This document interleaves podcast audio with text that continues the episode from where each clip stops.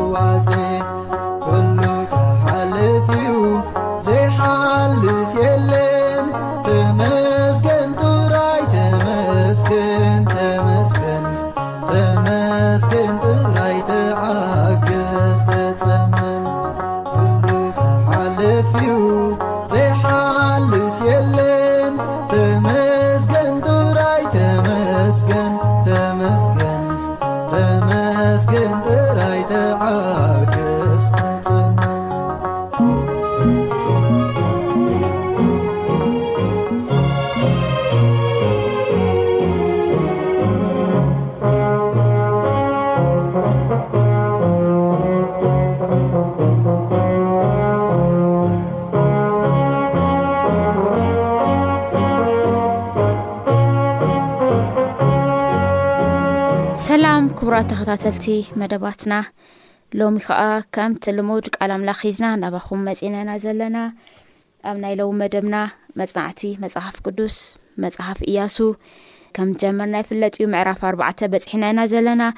ምዕራፍ ሓሙሽተ ከኣ ከም ፍቓድ ጎይታ ሎም ኣንቲ ሓቢርና ክንርኢ ኢና።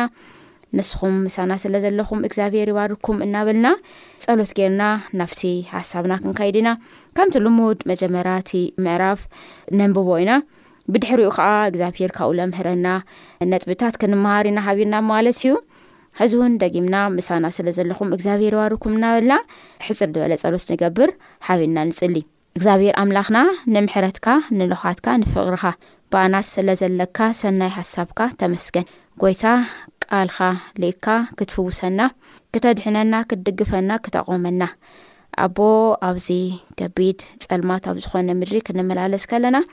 ብርሃን ኣብ ጸልማት ይኹን ዝበልካ እግዚኣብሄር ብርሃን እናብርሃኻ ክትመርሐና ንልምነካ ኣለና እዚ መደብ እዚ ዝሰምዑ ዘለዉ ሰማዕቲ ኣብ ብቢ ዘሎ ቦታ መንፈስ ቅዱስካ ሃቢርዎም ይኹን ዘሎም ዘበለ እግዚኣብሄር ካባኻ ንኣኻ ሓቲቶም ምሳኻ ተጓዒዞም እግዚኣብሄር ንስኻ ክትግለጽ ከለኻ ኣብ ለዳለኻዮ መንግስቲ ክርከቡ ሰናይ ፈቓድካ ይኹን ኩሉ ህዝብኻ በዓልካ ሓስብ በዓልካ ዘክር በዓልካ ጠምት ክብርን መጉስን ዕቤትን ንኣኻ ይኹን ስለ ቃልካ ተመስገን ብሽም ወድኻ ብኢየሱስ ክርስቶስ ኣሜን ራይ ክብራት ሰማዕቲ ሎማዓንቲ ባዓርስ እያሱ ምዕራፍ ሓሙሽተ ባሕባር ኮይንና ክንርኢ ኢና ማለት እዩ ኣብ እያሱ ምዕራፍ ኣርባዕተ ከምቲ ዝሓለፈ ሰሙን ከምቲ ዝረኣናዮ እዞም ኣእማን እዚኦም ሲ እንታይ እዮም ኢሎም እንተሓቲቶም ኹም ደቅኹም እግዚኣብሄር ከመገይሩ ከም ለድሕንና ትነግርዎም ኢኹም ኢልና ዝረኣናዮ እያሱ ካብቲ ዮርዳኖስ ሰጊሮም ክኸዱ ከለው ኣእማን ካብቲ ማእኸል እቲ ሩባ ከም ዝወሰደ እግዚኣብሄር ከም ዝኣዘዞ ካብካ ወሲዱ ከኣ ብሓደ ከም ዝተኸለ ርኢና ኢና ሎምዓንቲ ከኣ እያሱ ምዕራፍ ሓሙሽተ ብሓባር ኮይንና ክንርኢ ኢና መጀመርያ ክነንብቦ ኢና እግዚኣብሄር ከኣ በቲ ምንባብ ምሳና ይኹን ኮነ ከኣ ይብል እያሱ ምዕራፍ ሓሙሽተ ፍቕድ ሓደ ኮነ ከኣ ኣብ ስግር ዮርዳኖስ ብወገን ምዕራብ ዝነበሩ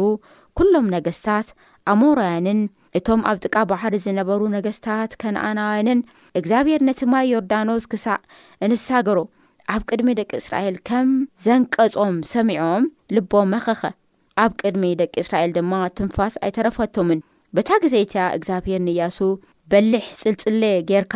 ከም ብሓድሽ ንደቂ እስራኤል ካልኣይ ሳዕ ግዘሮም በሎ። እያሱ ድማ በለስ ጽልጽል ኣንጺሑ ንደቂ እስራኤል ኣብ ኩርባ ኣራሎት ገዘሮም። እቲ እያሱ ዝገበሮም ምክንያቱ እዚ እዩ፣ እቲ ካብ ግብጺ ዝወጸ ሕዝቢ፣ ተባዕትዩ ዘበለ ኩሎም ተዋጋእቲ ካብ ግብጺ ወጺኦምሲ ኣብ በረኻ ኣብ መንገዲ ሞቱ። እቶም ዝወጹ ሕዝቢሲ ኩሎም ግዙራት ነይሮም። እቶም ካብ ግብጺ ምስ ወጹ ኣብ በረኻ ኣብ መገዲ እተወልዱ ኩሎም ሕዝቢ ግና ኣይተገዘሩን ነበሩ። ደቂ እስራኤል፣ ኵሉ እቲ ህዝቢ፣ እቶም ካብ ግብጺ ዝወጹ ተዋጋእቲ ሰብኡትን ንቃል እግዚኣብሄር ስለ ዘይሰምዕዎ፣ ክሳዕ ዝውድኡ ኣርብዓ ዓመት ኣብ በረኻ ተጓዕዙ። እግዚኣብሄር ድማ እታ ንኣና ክህበና ናቦታቶም ዘምሃለሎም ምድሪ፣ ጸባን መዓርን እተውሕዝ ምድሪ ከየርእዮም መሓለ። ነቶም ኣብ ክንዳኦም ዘተንስኦም ደቆም ከኣ ኣብ መንገዲ ስለ ዘይተገዘሩ ዕልቦታት ነበሩ እሞ እያሱ ገዘሮም። ኮነ ኸኣ፣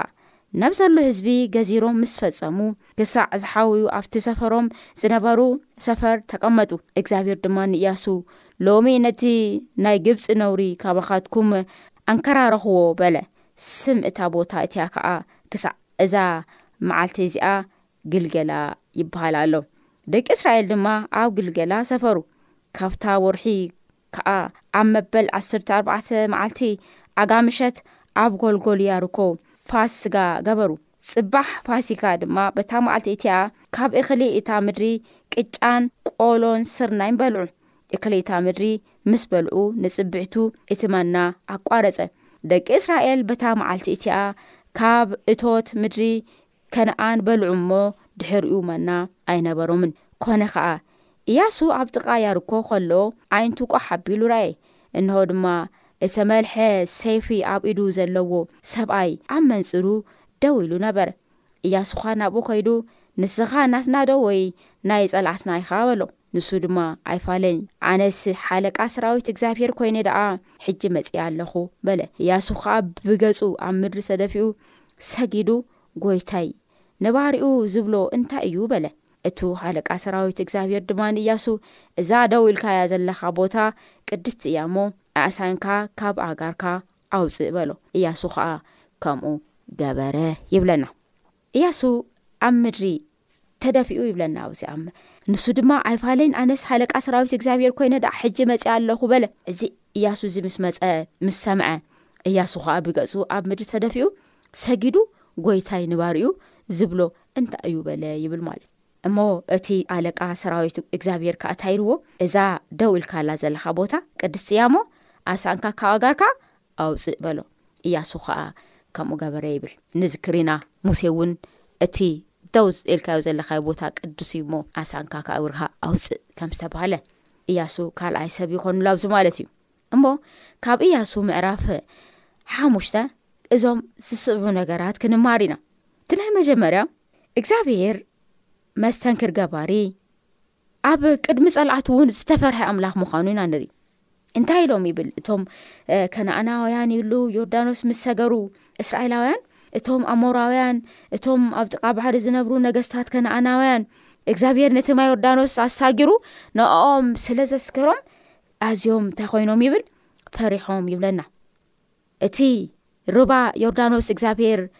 ብየማንን ብጸጋምን ከፍ ኢሉ ከም መንደቕ እዚ ማይ ደው ኢሉ እዮም ሃሊፎም እስራኤል ካብኡ ዝተላዕለ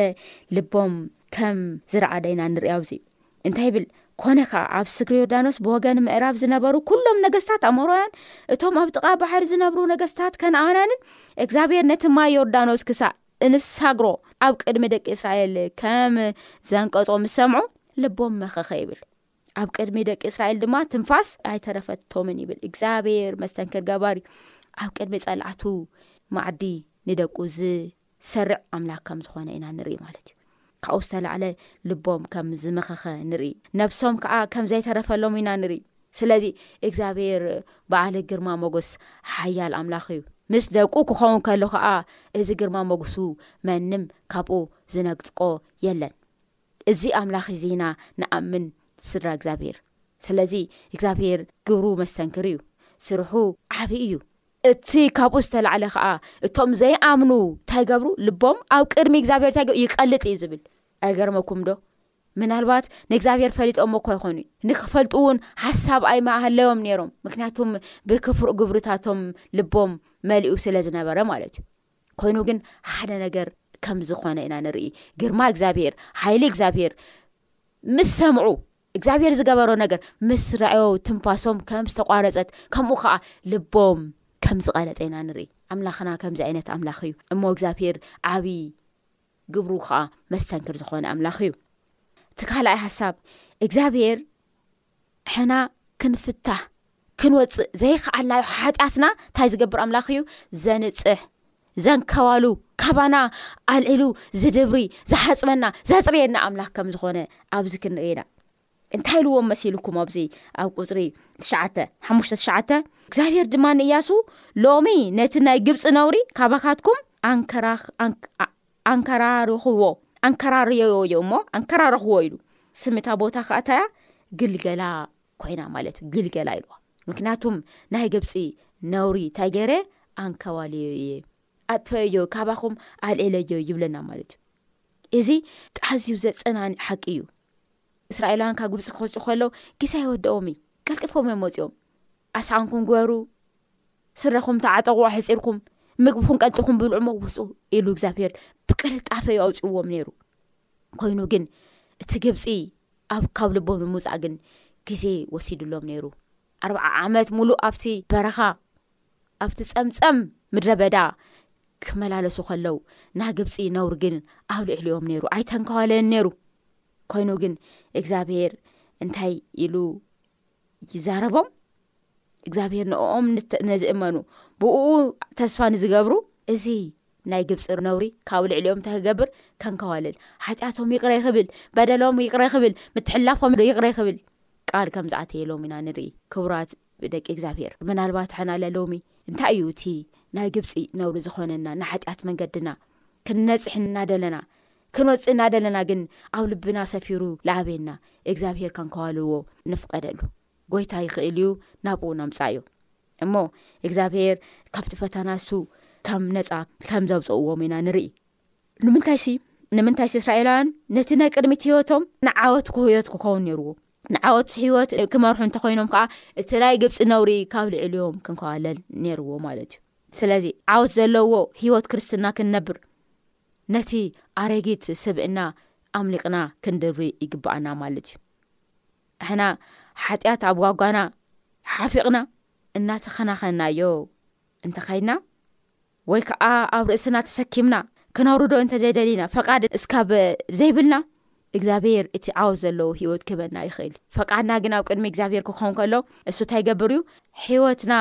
ዓወት ዘለዎ ህይወት ክኸውን ኣብ ሓጢኣት እግዚኣብሄር ዝንእወት ሰባት ክንከውን ይገብረና ማለት እዩና እግዚኣብሄር ሕና ክንገላገል ንደልዮ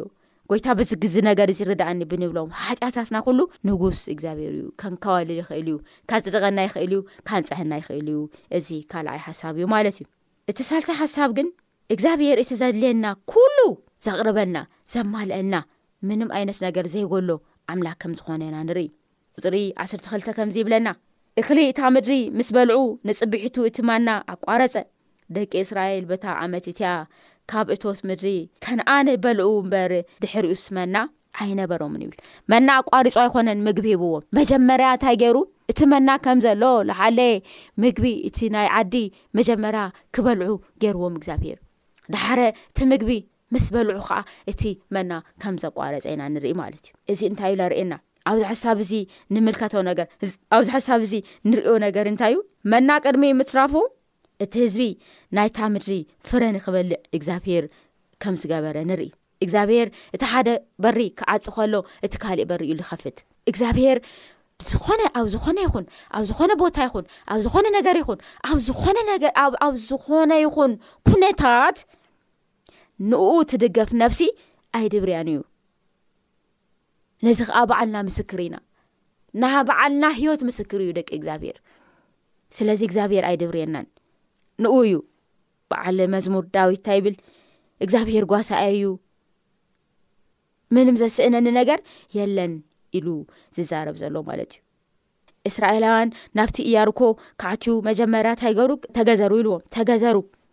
እንደገና ከዓ ፋሲካ በዓል ፋሲካ እውን ከም ዘክበሩ ኢና ንርኢ እዚ ዘርእካ ከዓ ኣዳማዊ ሂወት ወይ ከዓ መስቀል ወይ ከዓ ግዝረት ትለለና ሸለፍ ምውጋድ ጥራሕ እንተዘይኮነስ ፋሲካና ዝኮነ ክርስቶስ ኢየሱስ ኣብ መስቀል ተሰቒሉ ዘድሕነና ኣምላኽና ደሙን ስግኡን እናወሰድና ነቲ ዝገበረና ነገር ከዘክረና ዘኽእል ሃሳብ እውን ኣብዚ ኣሎ መሰል ማለት እዩ እና ናቱ ፀጋ ክንለብስ ብበይ ገዜኡ ጎይታ ንኣና ዝገበረና ነገር ክነስታውስ ዝገብር ኣምላኽ እዩ ምክንያቱም ኣብዛ ምዕራፍ ሓሙሽተ ክንሪኢ ከለና ክርስቶስ ምእንታና ዝሓለፎ ናይ መስቀል ስራሕ ኣብዚ ተገሊፁ ኢና ንረክብ ማለት እዩ ሰብ ሓጢኣት ምእንቲ ከነፅሕ እዩ ዝገይሩ ፋሲካና ዝኾነ ክርስቶስ ተሓሪዱልና ይብለና ስለዚ እዚ ፋሲካና ዝኾነ ክርስቶስ የሱስ ብምሓዝ ካሓጢኣትና ክንነፅሁን እዚ ሓሳብ እዚ ይነግረና ማለት እዩና ኣብዚ ቦታ እዚ እግዚኣብሄር እቲ ዘለና ነገር ኣማልኡ እቲ ካልእ ዝቋርፅ ኣምላክ ከም ዝኾነ ኩሉ ግስም ኣቢሉ ደፊኑ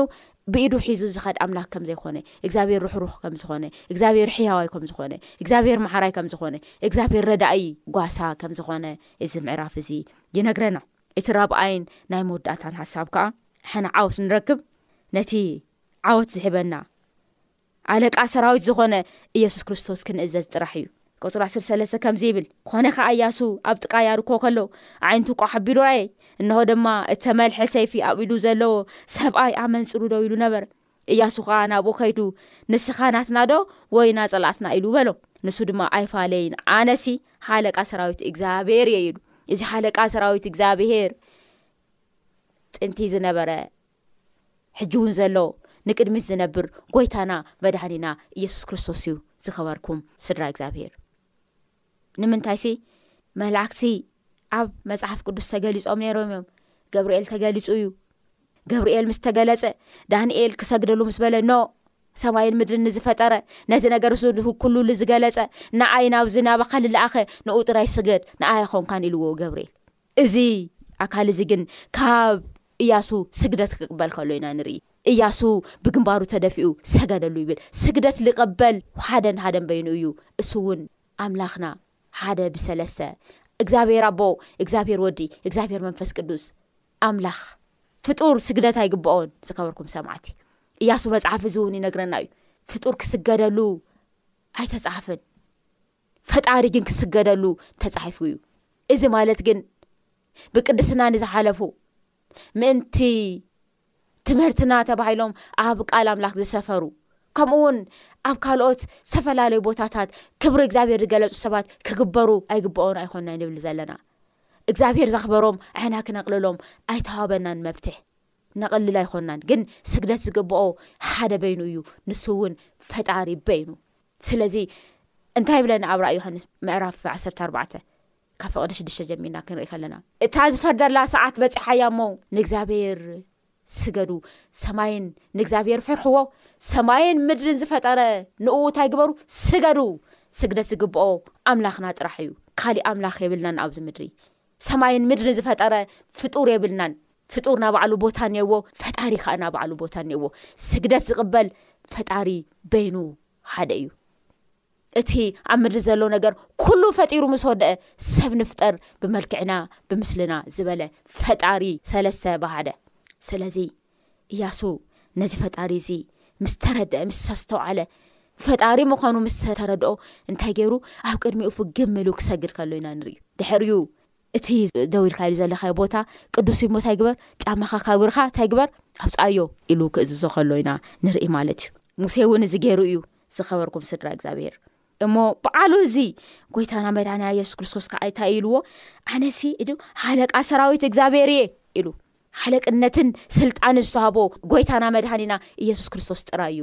ዝኸበርኩም ስድራ እግዚኣብሔር ኣይትታለሉ ኣይንታለል ፍጡር ናይ ፈጣሪ ቦታ ክወስድ ኣይተጻሕፈን እሞ እዚ ሰራዊት ኣለቃ እዚ በዓለይ ኣነ ናይ እግዚኣብሔር ሰራዊት ኣለቃ እየ ኢሉ ንእስራኤል ካብ ግብፂ ኣውፅኡ ካብ ከውሒ ማይ እናስተየ ቀትሪ ቀትሪ ደመና እናኸወለ ምሸት ምሸት ሓዊ እናመርሐ ዝነበረ በዓሉ ጎይታና መድሃኒና ኢየሱስ ክርስቶስ እዩ ነይሩ ኣብ ራእይ መጽሓፍ ንርኢና ኣብ ውግእ ኩሉ ሓያል ይብሎ ንጎይታና መድሃኒና ኢየሱስ ክርስቶስ ዓወት ዝገብር በዓሉ ተዓወተ ሞይቱ ካብ ምድሪ ሞት ስዒሩ ዝተንስአ በዓሉ ከም ዝኾነ ይነግረና ማለት እዩ እዚ ሓለቃ ሰራዊት እዚ ንእያሱ ዝተገለጸ ኢየሱስ ክርስቶስ ክኸውን ከሎ እያሱ ኸዓ ንእኡ ከም ዝሰገደሉ ንርኢ ማለት እዩ ጐይታየይ ነቲ ባርያይሲ እንታይ ኢኻ ትብሎ እንታይ ኢኻ ትእዝዞ ኢሉ ከዓ ክክሓትት ከሎ ንርኢ ስለዚ ሕና እውን ሓቀኛ ዝኾነ ዓወት ኣብ ህይወትና ክንረክብ እንደ ኾይንና ኣብ ሓጢኣት ኣብ ስጋ ኣብ ሰይጣን ኣብ ዓለም ዓወት ክንረክብ እንተ ኾይንና ነቲ ሓቀኛ ዝኾነ ክርስቶስ የሱስ ክንሰምዖ ይሰምዐካ ኣለኹ እንታይ እየ ክእዘዘካ ኣነ ኢሉ ንእኡ ስምዕዎ ኣብ ዮሃንስ ወንጌል ምዕራፍ ክልተ ኣዶ ጎይታና መድሃና የሱስ ክርስቶስ ድንግል ማርያም እዚ ወይኒ ተወዲኡ እሞ እንታይ እዩ ክንገብር ኢሎም ምስ ተጨነቁ ካይዳ ምስ ሃተተቶ ዳሓረጊ እንታይ ኢላ ንኡ ስምዕዎ ኢላ ንኡ ስምዕዎ እያ ኢላ ስለዚ ንክርስቶስ ንስማዕ ንእዘዝ ሽኡ ኣብ ሂወትና ዓወት ክመፅ እዩ ማለት እዩ እሞ ሕጽር ዝበለ ጸሎት ኣብዚኣ ኣላ እሞ ሓቢርና ጸሊና ናይ ሎሚ መደብና ኣብዚ ንዛዝም ኢና ሓቢርኩም ስለ ዝጸናሕኹም ስለ ዝሰማዕኹም እግዚኣብሄር ይባርኩም ክብራ ስድራ እግዚኣብሄር ሓቢርና ንጽሊ ሓጢኣትና ነውርና ካብ ልዕሊና ተንካባሉል ትኽእል እግዚኣብሄር ኣምላኽና ፈቃር ኣቦና እቲ ናይ ክፋኣት ሰራዊት ተቃጽል ንባኣና ግን ንኣና ግን ሓገዝና ዋልታና ረድኤትና ስለ ዝኾንካ ነመስግነካ ኣብቲ ዓወት ጎዳና ትመርሐና ከለኻ ኣብ ሂወትና ክንቆርጾ ልኣበየና ክትቆርጸልና እቲ ዝጎደለ ነገርና ክትመልዐልና እቲ ዘልየና ነገር ኩሉ በዓልካ ተሰናደአልና ንልምነካ ኣለና ናዚ ጉዕዞ እዚ መርሓይ ዝኾንካ ክርስቶስ የሱስ ንኣኻ ተኸትልና ብድሕሬኻ ተሰሊፍና ቀቅድሜና ንሰኻ ናከርካ ኣሕና ከኣ ድድሕሬኻ ካይና ዓወት ክንረክብ ከኣ ርድኣና እዚ ኩሉ ንልምነካ ብሽም ወድኻ ብኢየሱስ ክርስቶስ ኣሜን